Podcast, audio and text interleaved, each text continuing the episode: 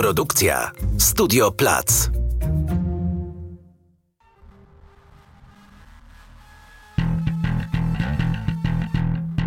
Nazywam się Barbara Klicka, a to jest podcast dwutygodnika magazynu o kulturze. Dzień dobry. Będziemy dziś rozmawiać o fenomenie serialu Sukcesja. Dla dwutygodnika pisała o nim m.in. Dorota Masłowska w tekście pod tytułem Szumny, trzymający w napięciu. Jej tekst ukazał się między drugim a trzecim sezonem serialowego hitu. Tymczasem 29 maja 2023 roku, to historyczna data, czyli prawie miesiąc temu, HBO wyemitowało finałowy odcinek czwartej, ostatniej serii sukcesji. Niemal od początku serial był bardzo szeroko komentowany, ale w międzyczasie uzyskał status kultowego i e, jego scenariusz porównuje się do sztuk Szekspira i tragedii greckich. E, w kontekście rozmawia się o psychoanalizie, kapitalizmie, polityce, przemianach w mediach. O tym, na czym polega fenomen tego serialu, którego fabułę dałoby się przecież streścić w dwóch zdaniach oraz o tym, jak zapełnić bolesną pustkę po nim. Porozmawiam dziś z Dorotą Masłowską, pisarką, autorką sztuk teatralnych, no i oczywiście autorką tego tekstu, który stał się punktem wyjścia do naszego dzisiejszego spotkania. Cześć Doroto. Cześć. Oraz Jakubem Sochą, krytykiem filmowym, pisarzem, redaktorem działu filmowego Dwutygodnika. Cześć Kubo. Cześć. Czuję się w obowiązku też e, zamieścić tutaj ostrzeżenie o spoilerach, przed którymi mam nadzieję nie będziemy się powstrzymywać. Nie będziemy, prawda? Nie. Dziękuję. Ja też nie będę się powstrzymywać. Ja też nie zamierzam. No dobrze, no to chciałam Was zapytać na rozgrzewkę, czy obejrzeliście ostatni odcinek sukcesji tego dnia, kiedy wjechał na białym koniu na platformę? Nie. Nie. Czekałaś ile? Ja nie obejrzałam, dlatego że ja byłam wtedy w Stanach i po prostu nie działało mi tam HBO, ale pewnie bym obejrzała na czas, gdyby nie to. Obejrzałam ze trzy tygodnie później chyba. Ale udało ci się nie wiedzieć, co w nim było? Udało mi się, bo widziałam sensacyjne nagłówki w mediach i widziałam, że bardzo dużo dziennikarzy sugeruje, że jest to po prostu najlepszy odcinek serialu, jaki widzieli w życiu i dlatego nie wchodziłam w te nagłówki.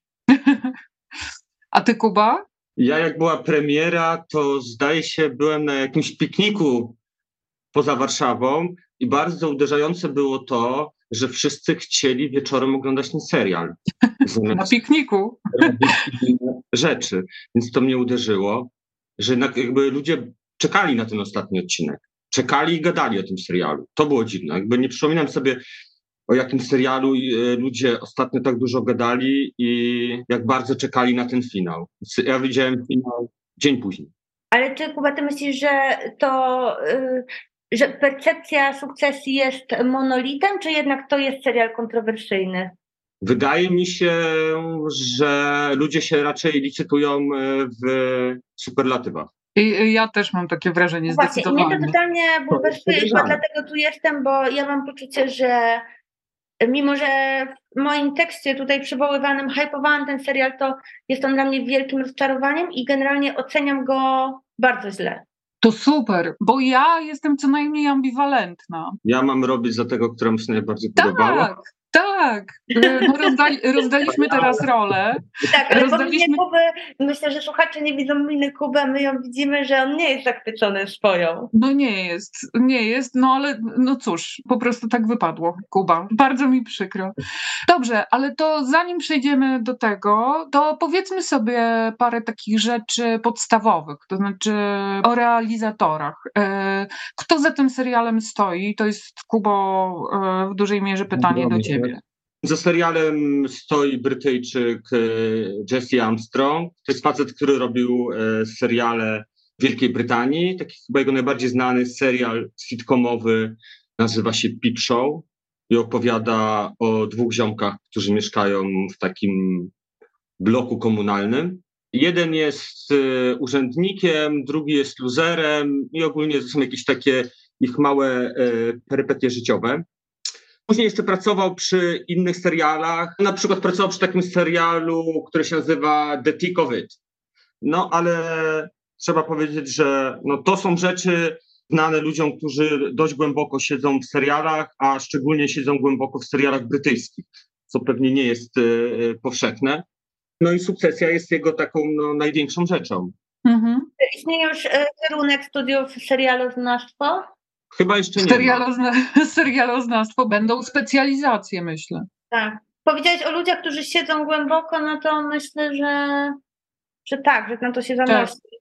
No właśnie, to jest ciekawe, czy się zanosi, czy się nie zanosi, bo wydaje mi się, że wraz z tym, jak rósł ten serial, e, rosła też podcastosfera, w której my się tu spotykamy.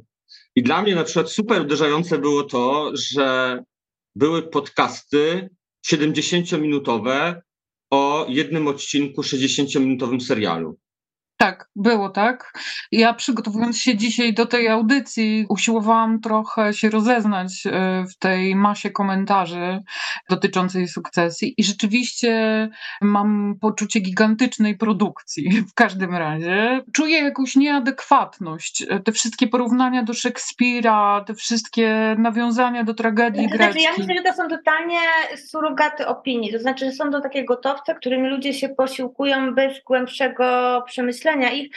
Myślę, że jeżeli dojdzie do kierunku serialoznawstwo na uniwersytetach, to że sukcesja na pewno będzie przedmiotem, bo myślę o tym, co powoduje to zjawisko, o którym wy mówicie, że to jest takie mm, niebywałe zagęszczenie literackie tego serialu, które sprzyja takiemu, no właściwie bezkresnemu rozszyfrowywaniu tych różnych spiętrzonych, spienionych metafor, jakichś porównań. To ta warstwa językowa jest tak gęsta, e, myślę, że tłumaczenie w ogóle jej też nie w pełni nie oddaje, że w ogóle latami fani tego serialu mogą e, rozplątywać te różne tropy, natomiast ja mam wrażenie, że pod tym jest pustka i że ekstremalna efektowność tego serialu, że jego długość nie uniosła jej. To znaczy po prostu. Dorota, ale co się zmieniło między drugim a czwartym sezonem u ciebie? No właśnie.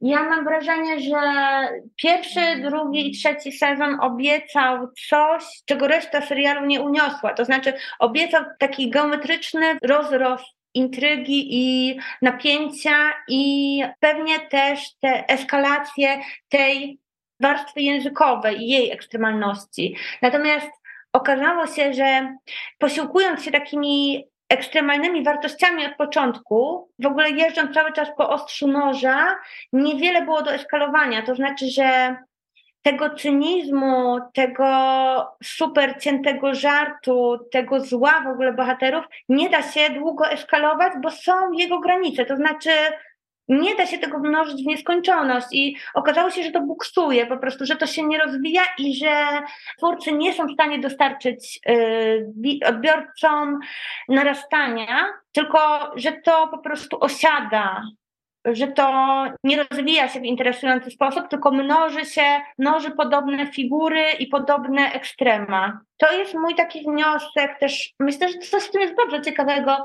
że po prostu cynizm i zło i szarganie wartości, którymi ekscytowali nas twórcy, że to ma swoje granice, że to się wyczerpuje po prostu. Nie wiem, co jest dalej, zjadanie niemowląt, czarna msza, nie wiem, po prostu tak naprawdę takich, tam jest e, bardzo niewiele fizyczności w tym serialu, że wszystko jest bardzo, bardzo intelektualne i bardzo się rozgrywa przez słowa i wydaje mi się, że to się też wyczerpało. To znaczy, że te ostatnie dwa sezony to dla mnie był narastający taki teatr telewizji, albo ja miałam wrażenie niemalże fizyczne serialu brazylijskiego. To znaczy, że bohaterowie przechodząc z pomieszczenia do pomieszczenia, mówią, co się zdarzyło. W nieskończoność opowiadają sobie akcje, a nie są w akcji.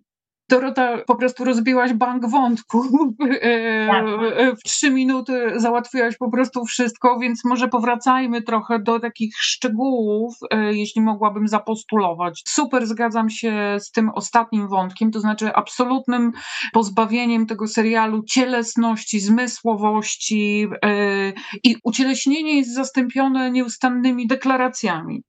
No to jest bardzo ciekawe, bo moim zdaniem, dopóki to się nie wyczerpie, daje to ciekawy efekt, bo moim zdaniem trzeba cały czas podkreślać, że warstwa literacka tego serialu jest um, ekstremalnie błyskotliwa. Jest ale z drugiej strony zwróciłabym uwagę na to, jak y, pisane są seriale. To znaczy, że po prostu w jednym pomieszczeniu siedzi, no załóżmy, że 10 osób o bardzo y, rozwiniętym poczuciu humoru, zdolności cyzelowania językowego, wymyślania super błyskotliwych puent. I one w ogóle siedzą razem i przerzucają się po prostu ciętymi ripostami, ciętymi puentami i z tego powstaje no, jakiś taki Myślę, że właśnie tak powstał taki Frankensteinowy super język tego serialu, który nie występuje w przyrodzie i który na, właśnie na początku jest bardzo imponujący i taki, że po prostu obserwujesz to jak jakiś taki ping-pong żyletkami, bo to jest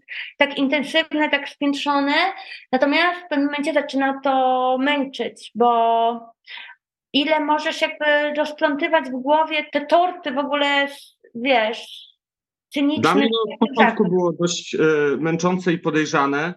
Znaczy oczywiście, e, że większość seriali jest pisanych w takim stylu zerowym, jakby niby ulicy. I tutaj rzeczywiście jest to zupełnie inaczej, ale ja miałem problem z tym, że jak to jest możliwe, że ci bohaterowie mają taką energię i taką inwencję językową, że oni zachowują się jak e, półgłówki, w większości, więc... Tak, są prymitywni i są naiwni i są tak. dziecinni, a jednocześnie dysponują taką super inteligencją. Tak, tak. I tu jest jakiś tam problem. No i oczywiście cały silnik tego serialu dla mnie problematyczny jest o tyle, że od samego początku widać, że oni tego Logana nie przegryzą, jakby nie wygrają z nim. Jakby masz bohaterów, którzy są słabi, którzy nie są zbyt inteligentni i oni tą walkę z nim przegrywają przez trzy sezony. I to dla mnie było dość męczące. Natomiast y, muszę powiedzieć, że po pierwsze doceniam ten gest, że usunęli go na początku czwartego sezonu. Myślę, że to nie będzie wielki spoiler. I to jednak, że ten serial próbował sobie jakoś radzić bez niego i jakoś się na nowo gdzieś tam wymyślić. E, więc, znaczy, nie jest to spoiler, dlatego że wiesz, to były nagłówki gazet, tak. nie? Kiedy Logan no, no tak, no, dokładnie. Nie dokładnie. żyje.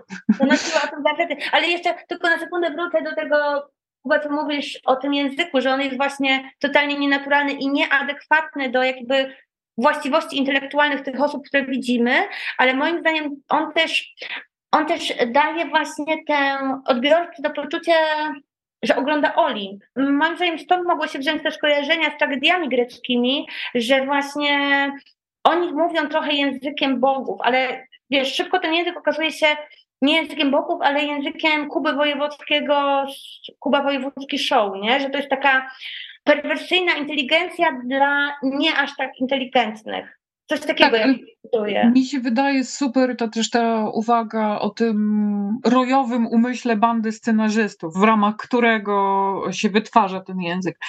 Ale no, ja jestem ambiwalentna, jeśli chodzi o to, że ta akcja rzeczywiście nie posuwa się do przodu zupełnie. Widzę w tym też potencjalną wartość. E, oczywiście można sobie to opowiedzieć w takiej konwencji, w której e, Logan będzie zawsze jak struś pędzi wiatr, który zawsze ucieka przed kojotem i w tym sensie to nie jest interesujące. Natomiast dla mnie ten rodzaj obracania się w pustce niesie ze sobą też znaczenia i to nie przesunięcie się się żadnej z postaci właściwie o krok. To znaczy ich absolutny brak rozwoju i absolutny, absolutne stanie w miejscu, powtarzanie ciągle tych samych błędów, tych samych schematów, popadanie ciągle w tę samą rozgrywkę, wydaje mi się no, co najmniej interesujące i mające się jakoś do takiej głębszej treści tego serialu.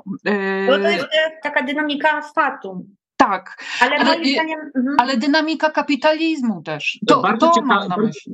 Bardzo ciekawe jest też to, że bardzo mało się mówi o tym, że jednak pod koniec pierwszego serialu scenarzyści odpalają dość mocną racę i ten Kendall zabija tego jednego chłopaka. Nie? I to, że ten wątek wraca pod koniec, to już nic nie znaczy tak naprawdę. Nie? Tak. On się pojawia tak. w jakimś tam rozgrywce i trochę jest tak właśnie, że przez te szpagaty wiele rzeczy się w tym e, serialu znosi. Nie? Że mm, no nie wierzysz w to, że to jest jakąś traumą, że jest to czymś w tym serialu. Nie? Więc też te rozgrywki między tymi e, dzieciakami, a między tym ojcem, e, Jasne, to jakby jest pewnie w tym jakaś wartość, że to wszystko jest takie statyczne i bo oni, oni się kręcą trochę w kółko, ale no jakby no to jest cały problem pewnie z serialami, nie? że mogli się kręcić przez dwa sezony, a nie przez cztery. Nie? Tak, tak, ja tak właśnie myślę, że y, ja bym też broniła tej idei, to znaczy ja ją rozumiem na poziomie teoretycznym, ale w praktyce moim zdaniem to właśnie, że te pięć sezonów to jest totalnie za dużo i myślę sobie, że bardzo bym chciała, żeby ten serial zatrzymał się na pierwszych trzech i pozostał w niedopowiedzeniu. I ja zostałabym z takim niespełnieniem, ale takim rozkosznym, a zostałam z takim niespełnieniem, może to się, że jednak czuję, że to się wszystko skompromitowało ostatecznie. Myślę, co jest też ciekawe, wydaje mi się, że my gadamy o tym języku, o jakimś takim wyrafinowaniu, a w tych kilku podcastach, które słuchałem yy, na temat sukcesji, większość rozmów to są takie rozmowy o gestach, nie? o tym, co kto zrobił, dlaczego to zrobił. Że to jest taki, jakiś taki telenowelowy odbiór, e, tak. jak e, no, taki jakby bardzo naiwny, że ta właśnie nagle ta warstwa językowa odpada i nagle jest po prostu tylko rozwiązywanie zagadek, kto kogo, a dlaczego, a kto na tym wygrał, a czy tutaj, no to jest jakoś tam ciekawe, nie? Że... Wiesz, to, jest, to jest niesamowite, ja bym to kładła na karp właśnie tej telenowelowości i tego, że ostatecznie sukcesja wpuszcza nas do świata nowych, bogatych, do którego nie mamy dostępu. Ostatnie fantazje o bogatych to była po prostu dynastia i... Właśnie porozmawiajmy o tym, bo to jest bardzo też interesujące porównanie dynastia i sukcesja i to jak, co to nam mówi o zmianie dynamiki pragnienia. Ty Dorota pisałeś, że dynastia była porno polegające na podpatrywaniu bogactwa i sukcesja też jest tym, natomiast to, co przynosi tam tę zawstydzającą przyjemność, jest jednak inne. To jest inna stawka. Myślę, że w jakiś sposób silnik serialu był podobny, no bo w dynastii też masz Blake'a Carringtona, takiego praojca niesfornych dzieci i że perypetie też biorą się z ich jakichś tam um, no z ich rywalizacji z nim, z ich niemożności w jakiś sposób prześcignięcia go, no to jest y, gdzieś tam... Romansów jest więcej. Zdecydowanie, w ogóle seks odgrywa zupełnie inną rolę tak. w dynastii. Tam jest mnóstwo seksu i mnóstwo zakładania naszyjnika na szyję. To jest y, serial dużo bardziej erotyczny, co znaczyłoby, że, że nowe bogactwo właśnie z tą też bezcielesnością, nie? Z tym, że sukcesja jest jednak no, neguje w jakiś sposób ciało, nie? że oni, oni tego seksu prawie nie uprawiają, oni prawie nie jedzą. Bogactwo się nie przejawia przez klejnoty i złoto, tylko przez abstrakcję życia, właśnie przez wolność od tych, y, od jego takich fizycznych, cielesnych niewygód i emanacji. Zgadzając się z tym, co powiedziałaś, rozwinęłabym to tak, że y, tą erotyczną ściśle fantazją jest władza. To znaczy, że dokładnie ona wchodzi w miejsce, e, w którym było pragnienie seksualne, albo właściwie staje się pragnieniem seksualnym. Jak wiele w tym serialu jest dynamik takich sadomasochistycznych, e, stricte związanych z pożądaniem, ale nie z seksem. Tak. Tak, I ja myślę, że tej władzy, o której ty mówisz, że jej takim też taką emanacją jest ekstremalny cynizm, Myślałam dzisiaj o tym, że jest on też pornografią, bo jest takim ostentacyjnym rewersem politycznej poprawności, która, no myślę, że jest trochę inna w Stanach i inna u nas, ale jest to taka y, jakaś bardzo wyraźna dynamika w tej chwili, budząca dewocję, budząca radykalizm. I tutaj masz nagle ludzi, którzy nie dość, że są od tego wolni, od tych zobowiązań, jakby tej poprawności, a jeszcze cynicznie wolni od nich. Cynicznie ogrywają po prostu to, że te obostrzenia ich nie obowiązują i tarzają się wręcz w plugastwie. Więc mnie się wydaje, że to jest też ich bogactwo. Mhm, tak, to jest A, ich zasób. Tak. Bo oni tak naprawdę rządzą tym polem, mogą zmienić te tak, zasady. Tak, tak, tak. Wiedzą, jak bardzo to jest płynne, jak bardzo to jest tak. manipulowalne. Na pewno jest tak, że sukcesja jest bardziej serialem takich czasów końca i kryzysu, nie? No bo jednak y, w dynastii miało się wrażenie, że to się po prostu może toczyć i toczyć i tak to wygląda, a tu chyba jest tak, że no nawet ta rodzina Rojów się zwija po prostu. Nie? Jakby I, to, I to pewnie, że to jest jednak rodzina magnatów medialnych, y, czy zajmujących się rozrywką, a nie ropą, to jakby to też pewnie jakoś y, wpływa na to, że o tym serialu jest jakoś tam głośno, prawda? Że tak jakby dziennikarze pewnie zajmując się nim w, w tak dużym stopniu, w jakimś stopniu, no tak jakby przeglądają się w jakimś lustrze, nie? Tak, a mm. dodatkowo wydaje mi się przełomowe właśnie to, że ten serial daje nam możliwość zajrzenia do rejestrów bogactwa i władzy, które są tak ekstremalne, że nie ma tam dostępu, że to jest za murem, za w ogóle albo na takich wysokościach, do których oko śmiertelnika nie sięga, że to, to też jest y, skojarzenie z Olimpem, nie? Że po prostu tak, to jest bardzo, bardzo wysoko. Tak, oni są ciągle w chmurach, oni są ciągle na szczytach wieżowców. Czytałam gdzieś, że na planie były obecne osoby, które specjalnie trenowały aktorów w tym, jak ludzie z prawdziwymi pieniędzmi wysiadają z helikoptera. Dowiedziałam się dzięki temu, że widać po człowieku, jeśli nie wysiada z helikoptera zbyt często, a jeśli jest to dla niego chleb powszedni, to wysiada w inny sposób i korzysta z innych rzeczy w zupełnie inny sposób, w sensie cielesnym. Byli coachowie od tego. Tak samo jak cała ta warstwa tych stylizacji, które są kompletnie nierozczytywalne dla ludzi posługujących się zwyczajnymi ubraniami użytkowymi. To znaczy, tak. że to jest tak y, dyskretny i tajemny kod, który. Wiem, że potem były całe w ogóle jakieś w internecie grupy, które rozczytywały te kody, ale. Tak. Oraz y, nagle stylizacje w stylu old i ten termin zrobił jakąś niesamowitą karierę i co druga influencerka się teraz nim posługuje. To jest, e, to jest dosyć, e, to jest dosyć tak, niesamowite. Bo ja bardzo chciałam wam zadać pytanie dotyczące właśnie tej literackości, o której tu była mowa. To znaczy, mnie interesuje, jak to jest możliwe, że w świecie, który nawet od literatury chce, żeby ona była nieliteracka, żeby była prosto z życia, żeby tętniła emocjami, żeby była prawdziwa, ta literackość w kontekście tego serialu nabrała znamion komplementu.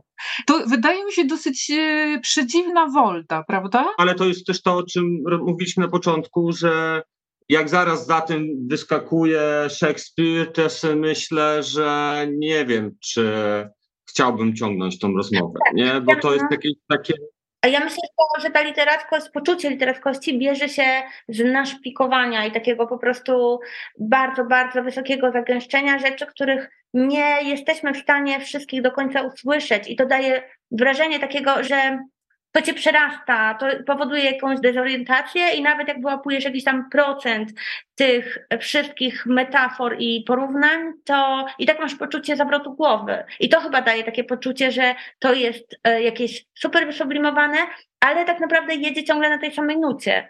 Ja jednak może jestem takim prostym widzem serialowym, bo ja jednak lubię iść za jakimś bohaterem serialu i tutaj oczywiście tego nie miałem za bardzo i tak się w pewnym momencie złapałem na tej scenie, kiedy oni siedzą w tej kuchni i tam odprawiają te swoje rytuały, żeby przekazać tą władzę Kendallowi i tak sobie myślałem, że okej, okay, że może to jest właśnie ta przewrotka w tym serialu, ale to, że oni później mi dali tak jakby po łapach, to wydaje mi się, że jednak świadczy na korzyść trochę z tego serialu. Ten serial z jednej strony jest tak mądry w dekonstrukcji pewnych mitów, ale z drugiej strony opowiada o tempakach. Że to jest jakieś takie dziwne, że taka nadświadomość w ogóle tutaj jest. E, więc wiesz, tak sobie myślałem, że może bardziej mi brakuje w tym serialu takich kilku momentów, e, że ten e, pancerz z języka po prostu pada, po prostu, zwyczajnie. No, a ja myślę, że może tak być. Jeszcze mam taką myśl, że przez te ostatnie dwa sezony bardzo mi dokuczało, dokuczało takie antyczłowieczeństwo tych bohaterów. To znaczy, że właściwie nie dzieje się już nic, co by było o wartościach i więziach i relacjach. To znaczy, wszystko jest tak zimne, cyniczne i sprzedane i wyrachowane, że to nie jest tylko to, że nie ma miejsca na miłość, seks, dzieci i, i przyjaźń, tylko że nie ma nawet śladu tego, po prostu. Tak, i, i, i w związku z tym nie ma antytezy tego, co jest nam pokazywane. To tak, znaczy, tak, to znaczy i, i świat się normalizuje, ten świat się normalizuje i w tym sensie przestaje być straszny. Ona jest oczywiście zapośredniczona, jak oni siedzą w jakimś pokoju i nagle ktoś wyświetla na ekranie jakiś filmik z jakiegoś spotkania tych wszystkich bonzów e, i oni tam sobie gadają, śmieją się, nawet śmieją się z Logana i to jest jakiś taki moment, prawda? Ale on jest po prostu tylko gdzieś jakimś takim e, powidokiem. E, co więcej, za ekranem, co jeszcze go dodatkowo, tak, za szybą, tak, co tak. jeszcze dodatkowo go dystansuje i jeszcze go odsuwa. Nie dość, że w czasie, nie dość, że on nie żyje, to jeszcze jest to w telewizji. To jest niezbudowane. To jakby wiemy, że to jest jakaś że nic na to nie zapracowało na tę chwilę, którą widzimy. I wydaje mi się, że to też bardzo pokazuje, bo to, ja mówię to, Kuba, a propos tego, co ty powiedziałeś, że musisz podążać za bohaterem, no ja myślę, że za bohaterem, ale też za relacjami, emocjami i za w ogóle jakąś taką, no za namiętnością, a tutaj jakby jest pożądanie władzy, ale nie ma nie ma ludzkich w ogóle odruchów i nie ma więzi, które mógłbyś śledzić. I mnie to naprowadza na taki trop, że jednak że bardzo ciekawy jest sam koncept y, stworzenia takiego świata, gdzie, gdzie te więzi są tak y, zrujnowane albo tak nieistniejące, nigdy nie wyrojone, ale z drugiej strony to nie ciągnie, to nie żre, to po prostu jest jakaś pustka, która ostatecznie działa na niekorzyść tej opowieści, że przestajesz ja to śledzić, bo nie ma tam po prostu, nie ma tam magnetyzmu serca. Tym razem ja się nie zgodzę. E, mhm. powiem, że moim zdaniem są tam więzi, tylko to są więzi negatywne, antywięzi, ale które wiążą równie mocno bardzo często. Tak. I tutaj przychodzi mi do głowy oczywiście Shiv i Tom i wszystkie e, sceny tak, między nimi.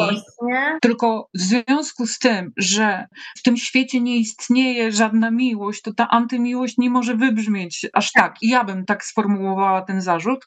Powiedziałabym, że te więzi są tylko negatywne. I równie dobrze moglibyśmy dostać świat z disneyowskiej bajki, w której każda więź jest różowa i puszcza serca nosem, tak?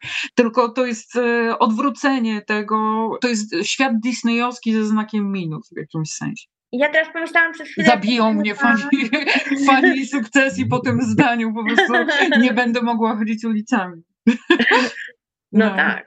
Pomyślałam sobie jeszcze taką rzecz, że jest tam parę postaci ludzkich, to znaczy parę osób, które ma styczność z tymi bogami, które przejawia normalne ludzkie uczucia, tak jak ochroniarz Logana, który jednak y, roni łzę na jego pogrzebie, tak jak asystentka Kendala, którą on zostawia na ulicy z bardzo nietęgą miną, albo ta sekretarka Logana, z którą on ma romans i którą te jego dzieci tak strasznie jakoś upokarzają.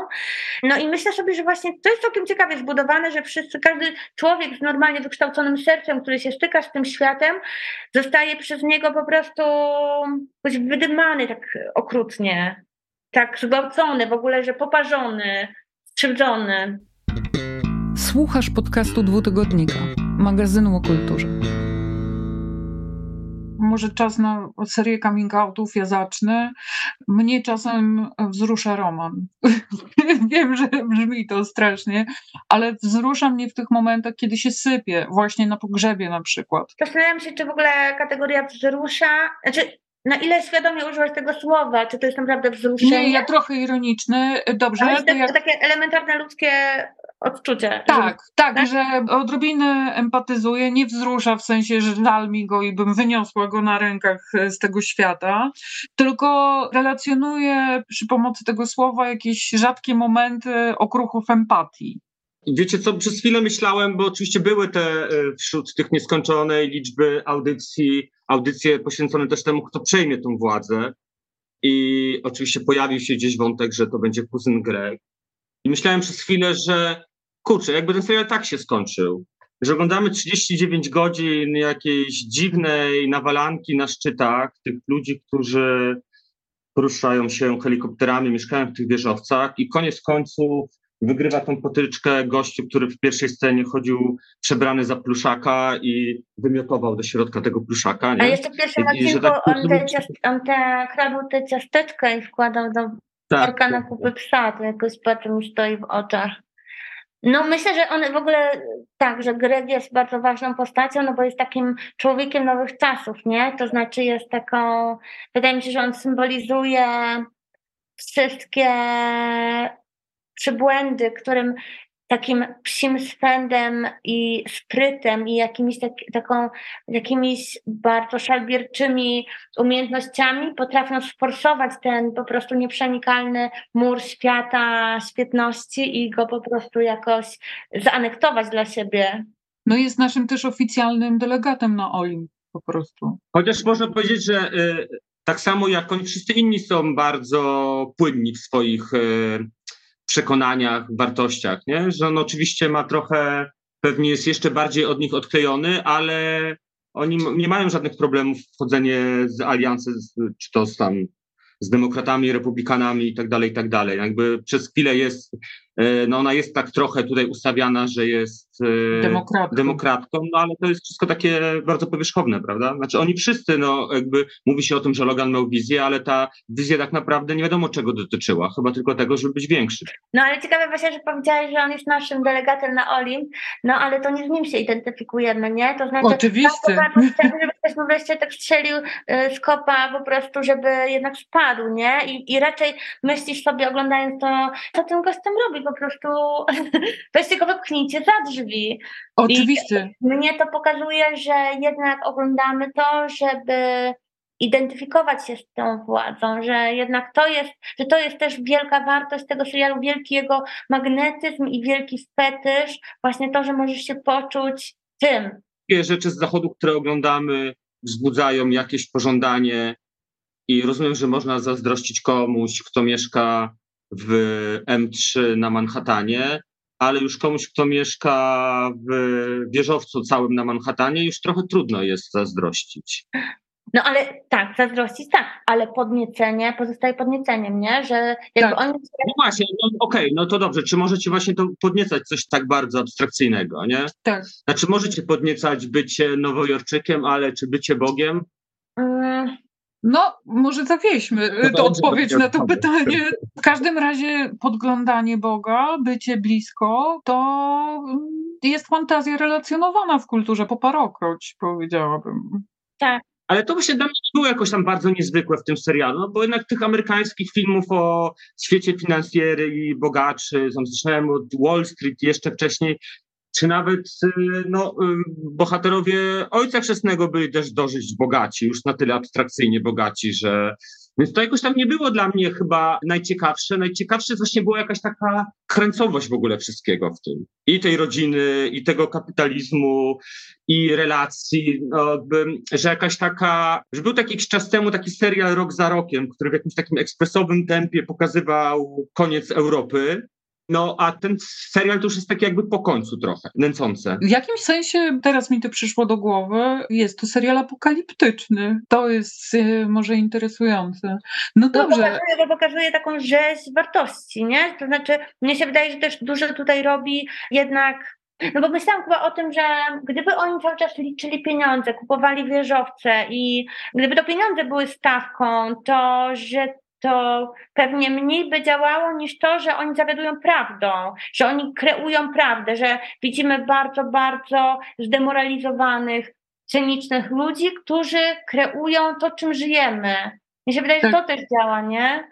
No na mnie największe wrażenie zrobił odcinek w tym ostatnim sezonie o wyborach prezydenckich. To znaczy to rzeczywiście, tak, tak. rzeczywiście.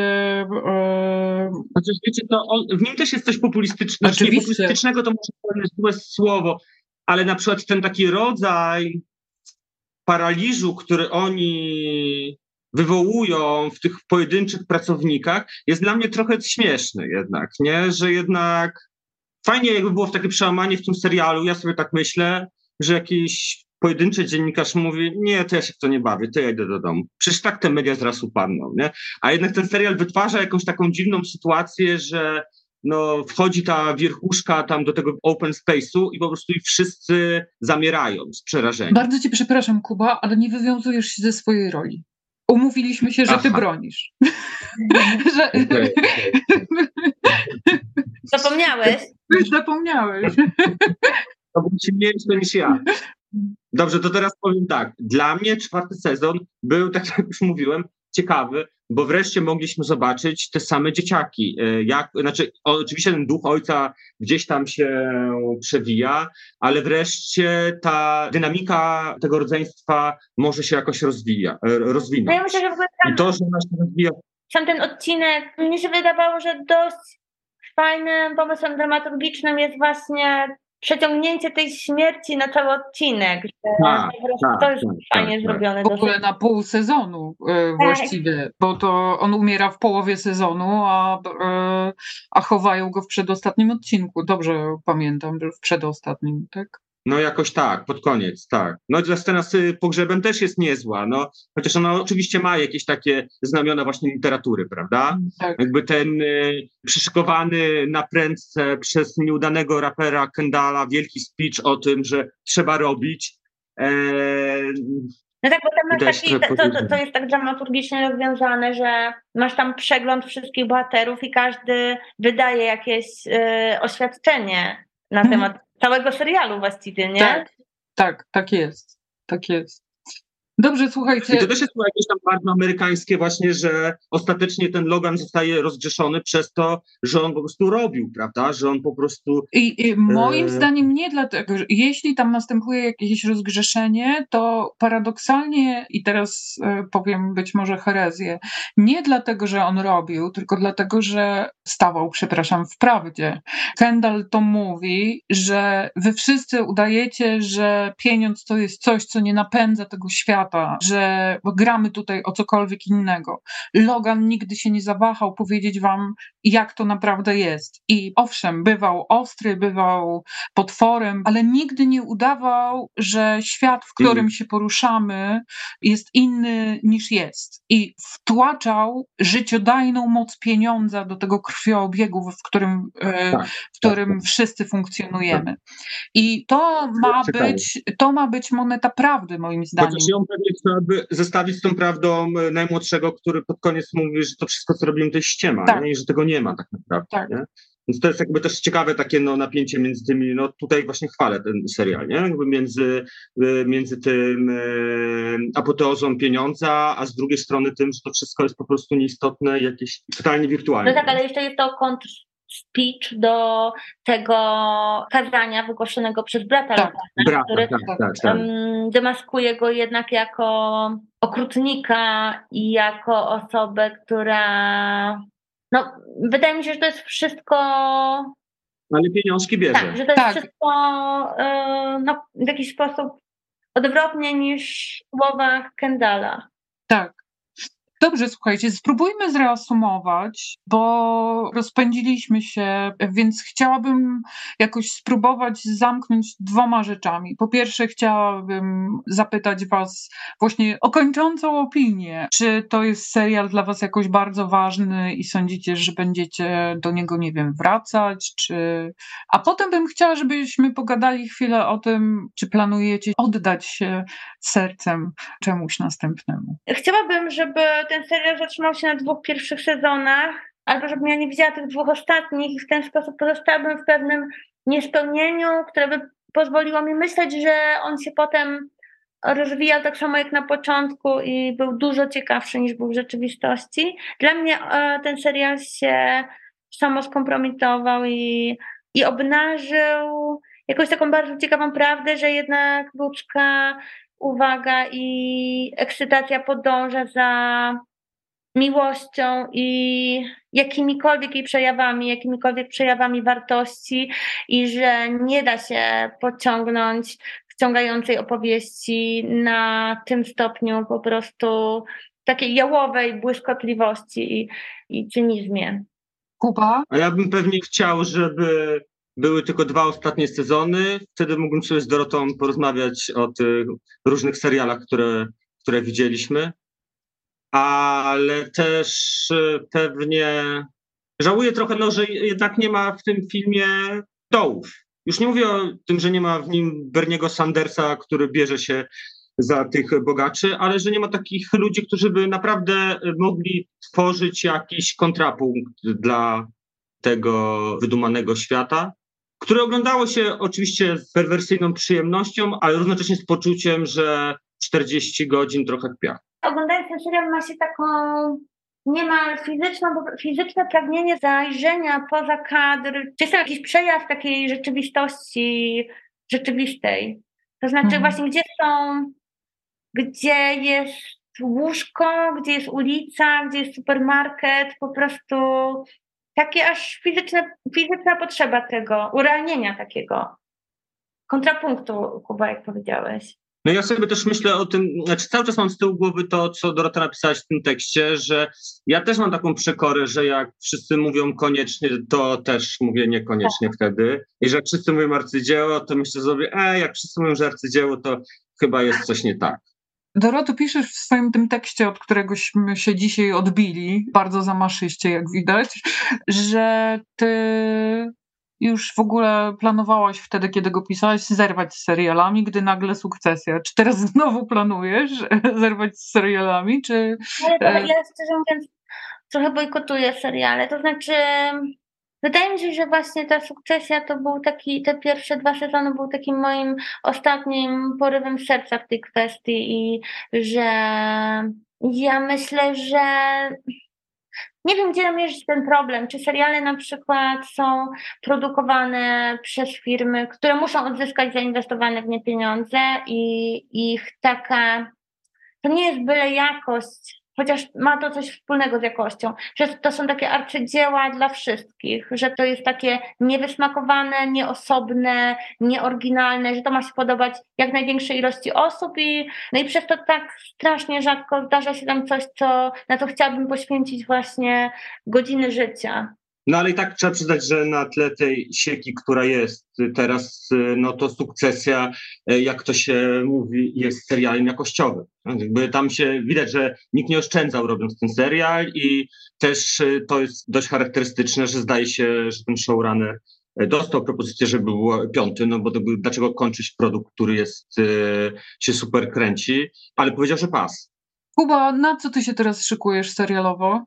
No, ja też mam jakieś takie poczucie, że tego jest za dużo i tego już w ogóle się nie da ogarniać.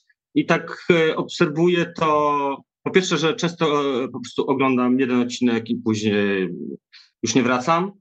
Z drugiej strony, właśnie chyba takiej prostoty e, czasami szukam w tych serialach. Ostatnio zacząłem oglądać taki serial Mo o takim dużym ziomku, z Palestyny, który wylądował w Houston ze swoją matką i z e, bratem e, spektrum e, autyzmu.